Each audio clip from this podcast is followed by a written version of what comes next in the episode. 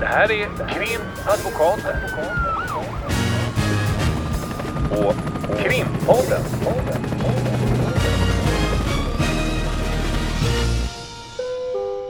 Parter och ombud kallas till sal 32. Hej Lotta! Hej Ulrika. Idag sitter vi här och det är faktiskt i början på veckan. Eh, idag är det eh, tisdag. Vi var tvungna att kontrollera det innan. Eh, för att nu är ju vi inne i en sån här period som man som brottmålare har väldigt mycket att göra. Och det är väldigt bra och positivt. Men det är just oftast september, oktober, november som det är ett väldigt pådrag. Och samma på våren kanske mars, april, maj. Och så ibland går det lite ner under sommaren, lite beroende på. Och ibland blir det lite lugnare under jul, lite beroende på. Men, men just nu är det väldigt hetsigt. Verkligen. Och vi, eh, varken du eller jag, eh, har några Instagramkonton där vi tar selfies på oss själva utanför domstolar och talar om vad vi är. Eh, och då, då tänkte vi istället för det att vi, vi eh, kan lite kort bara redogöra för så att man får en liten bild av hur, hur den här veckan ser ut eh, för dig. Eh, idag är det som sagt tisdag. Idag är det tisdag. Ehm, jag, Hur gjorde du igår? Igår var jag i Dalarna, i Falu, Dalarna? Tingsrätt, Dalarna, i Falu tingsrätt, heldag. Ehm, körde bil hem på kvällen så hade vi bolagsmöte faktiskt. Ja, du körde inte hem, du körde till kontoret. Ja, precis. Ja. det är sån här vanlig felsägning. Körde till kontoret och så hade vi delägarmöte här på kvällen. Ehm, och idag har jag suttit här i Stockholm i en huvudförhandling. Och, ehm, så nu sitter vi här och sen ska jag förbereda för jag börjar ett tre dagars mål imorgon. Också här i Stockholm. Ja, Ehm, då ska du processa onsdag, torsdag, fredag samma mål. Ja, men exakt. Och exakt. sen vet jag att du börjar ett, mål, eh, ett annat mål på måndag. Ja, men precis. Så det kommer jag förbereda eh, på kvällarna. Men det är ju så här det ser Mm. ut. Vi sitter ju och förbereder. Jag åkte till Dalarna i söndags för jag hade ett annat klientmöte i, i Dalarna. På vägen, ja. Ja, men precis. Ja, och jag, eh, vad har jag gjort? Eh, det är så här att, att Eh, eh, det har ju också, jag tror eh, möjligen att det har påverkat med corona. Det är många mål, när det inte är frihetsberövat så är det många mål som har skjutits upp under sommaren. Och det, och det kan ju också vara, vara, eh, leda till att det är i varje dag. Det är ju för sig inte så ovanligt, men vad gjorde jag igår? Eh, jag, ja, just det, jag hade en huvudförhandling igår som jag hade förberett eh, nogsamt under helgen, för det krävdes faktiskt. Och så när vi påbörjade huvudförhandlingen efter 45 minuter så eh, anförde både jag eh, som försvarare och åklagaren hinder mot att vi skulle hålla huvudförhandlingen därför att det skedde en massa processuella saker i målet som ledde till att målet inte var liksom färdigt för att prövas. Så då eh, ställde vi in helt enkelt efter eh, då tre kvart och sen kommer det sättas ut framöver. Det är också beklagligt eftersom det kan ta lång tid då för klienten, men eh, klienten var helt med på det med tanke på att det här, eh, jag anförde hinder för det var, var ju till skydd för honom. Eh, och, och då fick jag några timmar eh, lite loss där och, och tänkte vad bra, jag ska ut till Rinkeby på ett förhör. Eh, och jag har varit till deras nya polisstation några gånger men jag har åkt bil dit. Och den här gången tänkte jag, jag hade ingen bil med mig, jag tar tunnelbanan. Och det gick ju ganska geschwint och det visade sig att det var inte så särskilt långt. Jag hade bara kommit med bil, då känns det lite som att det är på landet. Men när man kommer med tunnelbanan så är det väldigt nära tunnelbanan. Då skulle jag ha ett förhör en timme.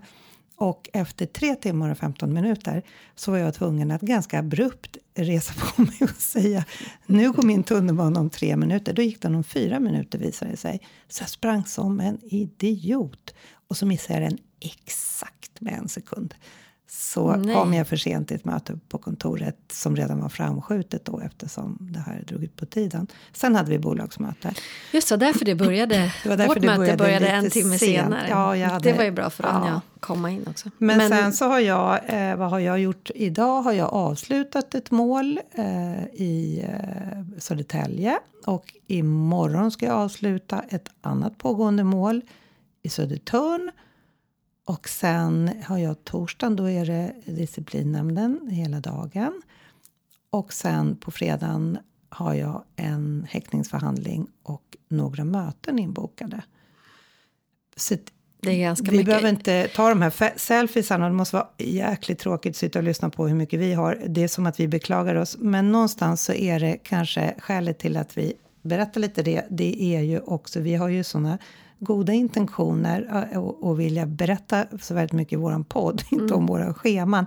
Men vid nästan varje tillfälle så hugger vi varandra eh, och, och så inleder vi vår konversation med det är så alldeles tydligt att vi egentligen vill skjuta på det för att vi inte hinner. Och nu är det så att nu har vi satt oss här för att det finns ingen annan tid den här veckan. Och, och vi måste ha ut den här podden till lördag. Så då kan vi så passa på att fylla i halva podden med våra scheman.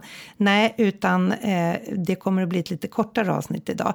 Och vi har ju nu i ganska många avsnitt hållit på och sagt att ja, det här är våran avstamp. Vi ska prata om skjutningar och det ska vi inte, utan vad vi ska prata om det är advokatens roll. Och nu har vi haft två ganska långa avsnitt med, med när advokaten eh, är målsägande beträde i när det är de här så kallade skjutningarna. Då, då. Och då tänkte vi också inleda med eh, eh, alltså inleda när man blir förordnad som försvarare i en så kallad skjutning. Då tänkte jag att vi kanske ska lite definiera det här med skjutning och så. Ja, jag tänkte först om jag... Eh, jag vet att jag ställde en fråga till dig eh, för några avsnitt sen. Eh, om du tycker att det är någon skillnad i andra mål och när det är de här då som är relaterat, gängkriminalitetsrelaterade mål, om man säger. För det är ändå ett påstående ofta att det ska vara fråga om att man tillhör en, ett gäng och det kanske inte alltid klienten anser att man tillhör något sorts organisation eller gäng. Men, men och, och syftet med den frågan, eller i alla fall vad jag ville föra fram genom den frågan med att Vad du ville leda in vad jag ville leda in dig på eh, är ju att för oss, alltså utifrån advokatrollen, det är ju alltid när det är en skjutning eller säg något annat gängkriminalitetsrelaterat brott, människorov eller något, något allvarligt, någon, någon allvarlig brottsrubricering som är relaterad till de här gängen. Eh, ofta. Eh, då går ju alla andra tycker jag, man märker lite på stämningen, man märker när domstolen ringer att det är kanske något speciellt, man kanske ser på förordnandet att det är flera inblandade, man kan se lite på vilka advokater kanske som är eh, anlit, eller som är med i, i målet och man märker lite grann kanske i kontakten med åklagare och så att det är lite speciellt att man liksom, det är en annan stämning, eller håller du med mig? Ja, Att ja eller de när, när det är väldigt på- allvarliga brott. Det det Ja. tycker jag nog gäller... Eh, ja, det gäller nog om man pratar om väldigt allvar, om man pratar om mord till exempel, Mm. så, så är det ju... Det, det är ju väldigt allvarligt, så på Mm. något sätt så blir ju liksom... Det är inte någon, ingen läge att, att hålla på och skämta på något sätt. Och, och, Nej men det gör vi ju ganska sällan Nej. ändå. Liksom. Men, men jag håller med. Nej men det är såklart att det är allvarligt att alla ser allvarligt på det. Att det är nogsamt att allting går rätt till och så vidare. Men, man, men lite det här att, man, att det är lite eh, en speciell stämning. Men min uppfattning är att vi som advokater för oss är det ju en klient oavsett. Därför det är fortfarande bara ett påstående. Liksom. Och kanske det att, som vi har varit inne på, att när man får det här förordnandet och när man får Själva, alltså på förordnandet så står ju så själva framställan som vi säger, det här har vi ju förklarat tidigare i början av podden vad det här är för någonting. Men när vi får namnet så får vi också en brottsrubricering och en väldigt kort beskrivning av arbetsrubriceringen. Alltså eh, ett, ett, datum, kanske en tidpunkt och vad som påstås eh, i rubriceringsmässigt. Inte mer ingående än så. är väldigt eh, begränsat med Väldigt information. begränsat. Kortfattat. Och det är det vi har när vi åker iväg till arresten och träffar klienten. Ja, för liksom. det kan man ju också ta, ta med att, att eh, sitter en, är det ett allvarligt brott så, så sitter ju för det mesta personen eh, i arresten och är anhållen. Eh, och då, då är det så att det är väldigt snabba puckar. För att eh, när man är frihetsberövad då, då, är det, då går det på klocktid. Eh, och då om man kanske sitter i ett annat mål som om det kommer in ett, ett förordnande imorgon för både dig och mig när vi eh, in, inte har någon möjlighet. Då får man ju försöka lösa det på annat sätt. Det har vi pratat om tidigare. Man kan komma senare på kvällen. Man vill inte att klienten ska behöva vänta i onödan. Om det är möjligt så kanske det är så att en annan kollega får gå för att hålla förhöret. Eh, men i, i, i, i det stora hela så är det väl det att man ska tänka på just att, att, ehm, att det är väldigt bråttom bråttom. Och då när det är så här bråttom och vi har inte en korrekt, så vi har en brottsrubricering. Vi har ett, vad målet är döpt till i tingsrätten Mm. och en väldigt kort liten skrivning från åklagaren. Åklagaren säger att personen behöver en advokat om eh, den har önskat sig en advokat. Eh, något mer har vi inte och då när vi då kliver in i, i arresten förr eller senare, oftast förr, man försöker vika ihop sig på olika sätt och få det ordnat. Så eh, träffar vi ju klienten. Kanske har passerat löpsedlar på vägen, hört om på nyheterna, någonting som har hänt. Eh, Och då när vi pratar just skjutningar. Så kanske det är mordförsök eller mord. Och, och eh, då kan väl du beskriva hur det är när man precis kommer in där då, då och inte har träffat klienten och det ska hållas förhör. Ja, men alltså när man träffar sin klient innan förhöret eh, så, så är det väldigt likartat oavsett vem det är man har framför sig och vad det gäller tycker jag. Oavsett allvarlighetsgraden. Det är såklart att gäller det mord och så vidare så, så är det ju direkt en allvarlighet i att man vet att det är väldigt mycket på spel. Alltså det, det är ju långa straff och det, det, vi, vi förstår att det är en lång utredning och så vidare. Men när man träffar klienten så just eftersom man inte vet någonting annat så vet man ju liksom inte själva berättelsen. Man vet inte, kanske att den här personen säger men gud jag har inte ens varit på plats. Det har jag faktiskt varit med om vid ett tillfälle att den har varit helt förtvivlad och sagt men jag fattar inte liksom vad är det här? Och så hade man liksom tagit fel på person. Så att det, vi vet ju inte så därför tycker jag att när man går in i det mötet så är man väldigt alltså ganska, inte nollställd är väl fel ord, men just det här att man är öppen för allting. Väldigt eh, icke-dömande på något sätt. Utan Ja, vi har ju man ingen aning. snabb- Nej, vi, har, vi har ingen aning och det är man så man är så väldigt förankrad i det. Där man går in, presenterar sig såklart. Har du Eh, börjat ta i handen?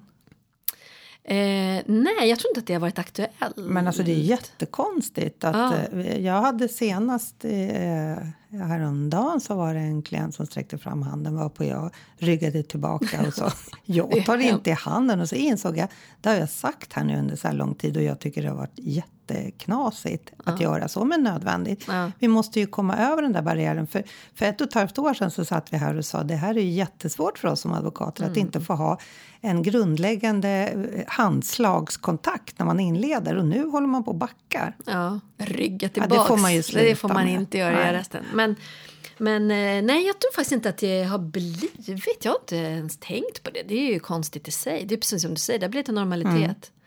Men, då är det vad jag tänker på när man kommer in just i arresten. Helt oberoende vem, eh, vem det är, mm. vad det är för brott, så är det ju samma typ av möte.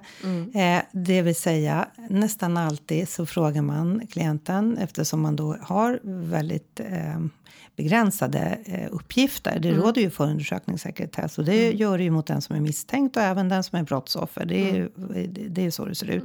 Och, och vi när vi blir frånade som försvarare, eh, det, det råder ju även förundersökningssekretess. Det är, ingen som, det är ingen som läcker saker till oss för de vet ju att vi också måste vara klientlojala och kan inte hålla tyst om saker i förhållande till klienter som vi får information om. Så med den här Får skrala... inte vara tyst. Alltså, Nej. kan inte. Det låter som att vi är så här sladdriga. Ja, nej. Eh, och, då, och då är det ju så att då frågar man klienten, de har ju, då har polisen eh, redan delgivit dem en misstanke och då har de också, tycker jag faktiskt för det mesta fått informationen om att du kanske inte ska berätta nu utan vänta på att du får din advokat, i synnerhet om det är allvarliga brott. Och då eh, så frågar man klienten, ja men polisen har varit här och pratat med dig. Ja men det var igår kväll när jag kom in eller det var i natt när jag kom in eller i morse. Jag kommer inte ihåg vad de sa. Och då, då har man ju liksom ingen koll vad det är exakt de har sagt. För de har faktiskt redogjort för och läst upp en, ett gärningspåstående. Vad det är man ska, alltså vilket brott man är skyldig till och på vilket sätt det har skett och var någonstans det har skett. Eh, och det har oftast inte klienten något vidare skarpt minne av. Därför att de är i en arrest och har inte riktigt koll på läget. För de har blivit uppryckta någonstans ifrån. I flykten eller i hemmet eller på arbetsplatsen. Så att då sitter vi där nollställda eh, när det gäller information. Men sen kommer ju polisen och då har man ju mest gått igenom hur ett förhör går till och Man har informerat eh, klienten om vilka rättigheter klienten har. Och, Mm. och, Och vad det betyder, därför att det kommer ju polisen också dra igenom. Det blir en men, men att man liksom förtydligar vad allting innebär. Och sen också våran roll. Och, och det har vi också pratat om tidigare, vad vi har för roll. Och det, speciellt när man har unga personer som är misstänkta så är det ju oerhört viktigt att, att särskilja för dem när vi säger att vi har tystnadsplikt. Och, och det, vi har en, en ordentligt rejäl tystnadsplikt. Det är bara klienten som kan lösa oss från den. Eh, då är det så att de kanske haft kontakt med kuratorer eller psykologer eller lärare eller socialtjänst. Och de har ju en tystnadsplikt som försvinner så fort den som är mottagare av informationen kan hysa en oro för den här unga personen. Så att de, eh, de flesta klienter som har haft kontakt med olika myndigheter eller lärare och så tror ju inte på den här tystnadsplikten. Så att ibland kan det bli att man verkligen nästan överpedagogiskt måste redogöra för exakt hur den fungerar. Och säga om jag också yppar det här som du säger till mig i förtroende. Då kan du anmäla mig till Advokatsamfundet och det är väldigt, väldigt allvarligt att yppa eh, det som är faller under vår tystnadsplikt. Så det pratar Och man ju också om. gentemot föräldrar. Tycker Mm. jag. Då kan Ja, man vara tydlig med att, precis. att även om din, dina föräldrar skulle ringa mig och du säger att jag inte ska prata så säger jag ingenting. Den är absolut även gentemot dem. Och det är också ovanligt. Och att vi som advokater är, är helt fri, frikopplade ifrån myndighetssverige. Det är ju en funktion med advokatrollen. Att vi inte ska ha någon lojalitet mot statsapparaten, den kommunala funktionen eller myndigheter överhuvudtaget utan att vi bara ska ha klienten i, i första rummet. Mm.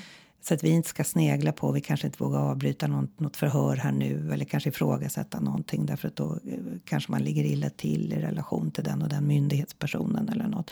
Vi ska ju vara helt friställda och det är inte heller så många klienter som känner till om man kanske första gången träffar en advokat att advokatbyråer är helt privata och är, drivs för att tillgodose klienternas intresse. Nej.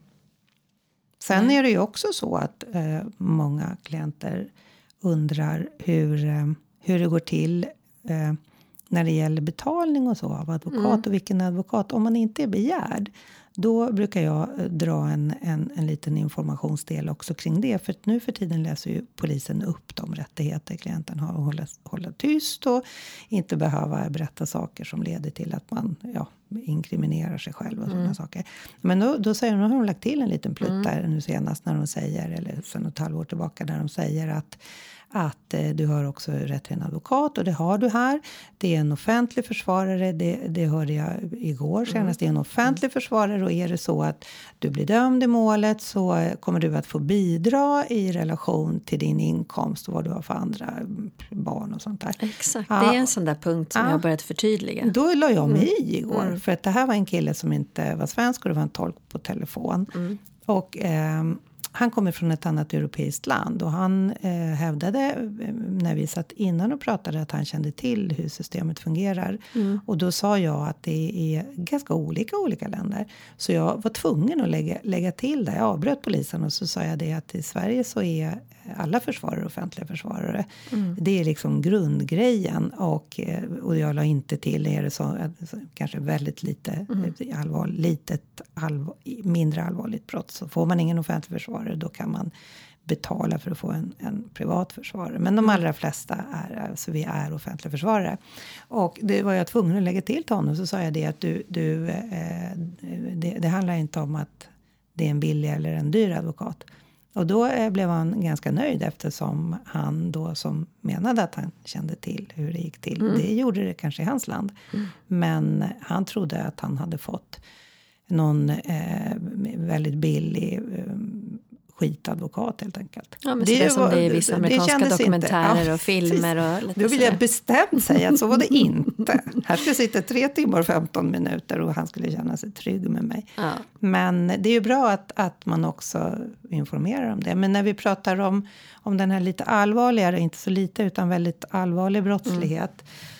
Eh, när vi pratar om det här med gängrelaterat och så, då, då, då är det ju inte så särskilt sällan som man redan har haft kontakt med de här klienterna. Att man Nej. är begärd i de målen därför att eh, man, man helt enkelt har följt klienten under, under ett antal år. Och då känner ju klienterna redan till det här. Och då behöver man inte köra de där initiala informationsdelarna. Nej.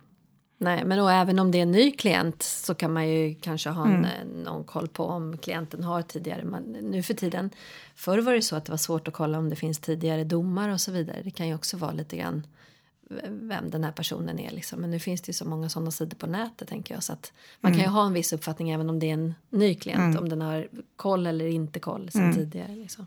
Och det märker man också, tycker jag, när man träffar en klient vad det är, eh, vad, vad, vad de kan tycka att man ska, vad de vill ha för information och vad de fokuserar på.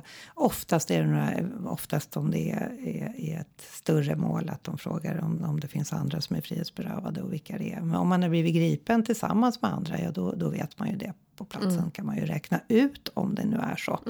Eh, annars så vill de gärna ha den informationen. Och vi har ju pratat om det här med restriktioner innan och det, eh, vi kan inte delge dem någon sån information. Däremot så kan vi eh, i förhöret med polisen be polisen informera dem om den saken. Men, men för att, att eh, knyta ihop det, din fråga och, och, och där du var ute efter vad jag Sist. skulle svara och du svarade också nu själv. Nämligen Jag att får göra så.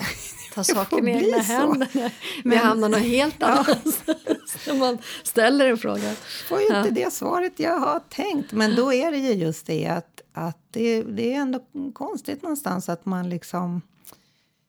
Alltså, hjärnan är väl funtad på det sättet när man jobbar med det här så många år som vi har gjort. Att man, alltså, man kalibrerar om efter den person man ska träffa. Man är ju liksom ganska neutral. Det är inte så att man själv eh, antar någon sorts annan position eller ett annat sätt när det är frågan om ett mycket allvarligt brott i relation till om det inte är fullt lika allvarligt. På Nej. något sätt som man bara liksom sätter på sig, jobbar, jobbar dräkten och sen så kliver man in, ner i sina försvararskor. Ja, men det, och det är väl det där också att vi försvarar inte gärningen, vi försvarar individen. Liksom. Och det, det låter alltid individ. Det låter kanske, jag vet inte vad det låter. Det är ju så det är. Liksom. Det Man- låter är en lite som att det är någonting som alla advokater säger och ingen tror på. Ja, men det är ju väldigt mycket så. Det är egentligen inte, alltså juridiskt är det givetvis Det är helt relevant korkat vad det om du ska handlar gå om. in Liksom. och, och företräda någon och, och försvara den gärningen. Ja, Det kan bli jättekomplicerat om, om ja, så är det ju. Utan man måste ju, man, man ser till att man får den här, man etablerar en relation med individen som är klienten helt enkelt, oavsett. Det, det, det är juridiskt relevant och väsentligt vad grunden är kanske för att man är, sitter anhållen ehm, och vad, vad som görs gällande. Men, men eh, det första steget, den första stunden där man liksom lägger hela grundstenen för samarbetet som det ju faktiskt ändå är. Det sker ju i mötet. Och då är det ju mer relevant. Vissa som sitter anhållna är ju väldigt, väldigt påverkade av det. Eh, de kan också vara påverkade av gärningen och på olika droger. sätt. Av droger givetvis. Ehm, och det är mer det tycker jag som eh, ger färg. Nu har jag suttit och pläderat så då har jag den här mera retoriska sättet att prata. Men som ger färg på, på relationen liksom. Och, och bestämmer hur man ska agera i situationen. Ja, Än- precis. Man måste ju sortera om man kommer in i, i en arrest. Och, och ofta så går det ju till så då att de hämtar klienten i, ifrån ett, en cell. Eh, och då eh, står man oftast utanför när vakten öppnar dörren. Och så har of- inte så sällan den här personen vilat, vaknar till kanske och, och, och har inte riktigt koll på vad det är för tid och vilken dag det är, ingenting. Och, och inga, eh, inga dojor på sig och, och inte några privata kläder och vacklar upp där. Ingen klocka, inget. Nej, det, ingen det, mobil. Det, ingen mobil så att man, man kan vara lite desorienterad. Och så står advokaten där utanför. Men om man känner så är det inget konstigt. Nej. Då, är, eh, då, är liksom, då bara klickar man i från förra gången man träffades. Men är det då eh, någon som är, är ny för en då går man tillsammans med, med klienten och eh, vakten då iväg till ett, oftast ett förhörsrum där det ska hållas förhör. Och sen tar man den tiden som behövs innan polisen kommer ner. Och där är det, eh, som du sa, det är där man måste etablera kontakten för det samarbetet som ska ske framöver. Det, klienten kan bli släppt eh, eller eh, klienten kommer att bli häktad. Men det är där det, det liksom, grunden läggs. Och då är det lite som det du är inne på. att En del klienter kanske är väldigt påverkade av alkohol, droger, vad det nu kan vara. Eller jättemycket någon diagnos som de mår jättedåligt av. Olika psykiatriska, neuropsykiatriska diagnoser som man också, det där kalibrerar man in. Och man frågar ju inte heller klienten om det inte, det, det frågar man ju på ett snällt sätt. På ett sätt där man vet om man kan fråga eller inte. Om den har jätteproblem med ADHD till exempel. Om klienten spattar runt i, i det här förhörsrummet och inte kan sitta still en stund Mm. så kanske klienten själv säger ja, fattar jag är jättejobbigt. Jag har Mm. värsta ADHD nu, jag har inte fått min medicin. Ja, eller, Eller- psykisk ohälsa. Ja, liksom, kanske djup depression Mm. och bara sätter sig ner och inte vill prata med någon, inte har ätit. Är, är. Och då eh, är det ju också nu när vi pratar om vi försvarar inte brottet utan vi, vi, vi ska försvara klienten och klientens inställning och uppfattning. Då är det ju så att vi möter ju människor. Människor som är, blivit frihetsberövade oavsett vad de har begått eller inte har begått för brott. Så måste ju vi kalibrera om eh, vårt sätt att hantera och, och möta de människorna efter deras behov. Sen kan ju det variera under ett ärendes gång om man mår bättre eller om man mår sämre efter, efter en tid om man har varit frihetsberövad. De flesta mår ju sämre. Ja, så är det verkligen. Och, och det här att man, som du säger, kalibrerar in deras läge, det är också relevant om man ska ha ett förhör. Om man nu träff, eftersom det ska vara snabba puckar, man kanske har förhör mm. efter en tid efter det här första mötet, så måste man ju också se så att det går att hålla ett, ett um, rättssäkert förhör helt enkelt. Har man precis, är man på avtändning av ganska starka droger så kanske det inte är vettigt just då att ha ett förhör. Utan det måste man också stämma av och Ja, precis. Och då kolla kan lite. det ju vara, faktiskt vara så. Det händer ju inte allt för sällan att eh, en- en klient vill, vill bli av med förhöret. Eller vad man ska säga. Vill få det överstökat. Och man själv eh, tänker ja men det verkar funka här nu. Och sen efter kommer man in en bit i förhöret så märker man nej det där funkar ju inte alls. Polisen är stressade därifrån, speciellt om det är på en kväll så vill de vidare jobba. Eh, och, och klienten kanske är jättetrött. Då måste man liksom överväga, är det verkligen lämpligt det här? Eh, och sen måste man ju också med andra överväganden, är det inte ett jätte, jätteallvarligt brott, nu pratar vi mord och är man misstänkt för det så blir man för det mesta fortsatt anhållen och sen blir man häktad. Väldigt sällsynt motsatsen. Men, men är det kanske frågan om en misshandel eller en grov misshandel och personen är väldigt, väldigt ung, då måste man också ha med att personen faktiskt kan släppas efter förhöret. Så då känns det ju inte heller helt bekvämt att säga nej, nej, nej, nu motsätter jag mig det här förut, det får ni ha imorgon om klienten vill ha det. Men då får man ju helt enkelt begära att få snacka lite i en rum med klienten och säga det här förhöret kommer att ha bäring på det du säger senare i processen och även vid en möjlig framtida rättegång. Så det är jätteviktigt att du verkligen har kläm på det här tillsammans med mig. Och då i värsta fall så får man ställa in. Men då har vi alltså kommit så långt att vi har kommit till arresten. Och vi har nu ställt in förhöret. Så då tänker jag att då kanske vi kan ställa in, eller i alla fall avsluta. Ja, då avslutar vi för idag. Adjö. Tack för idag. hej, hej. Hej. Krimpodden.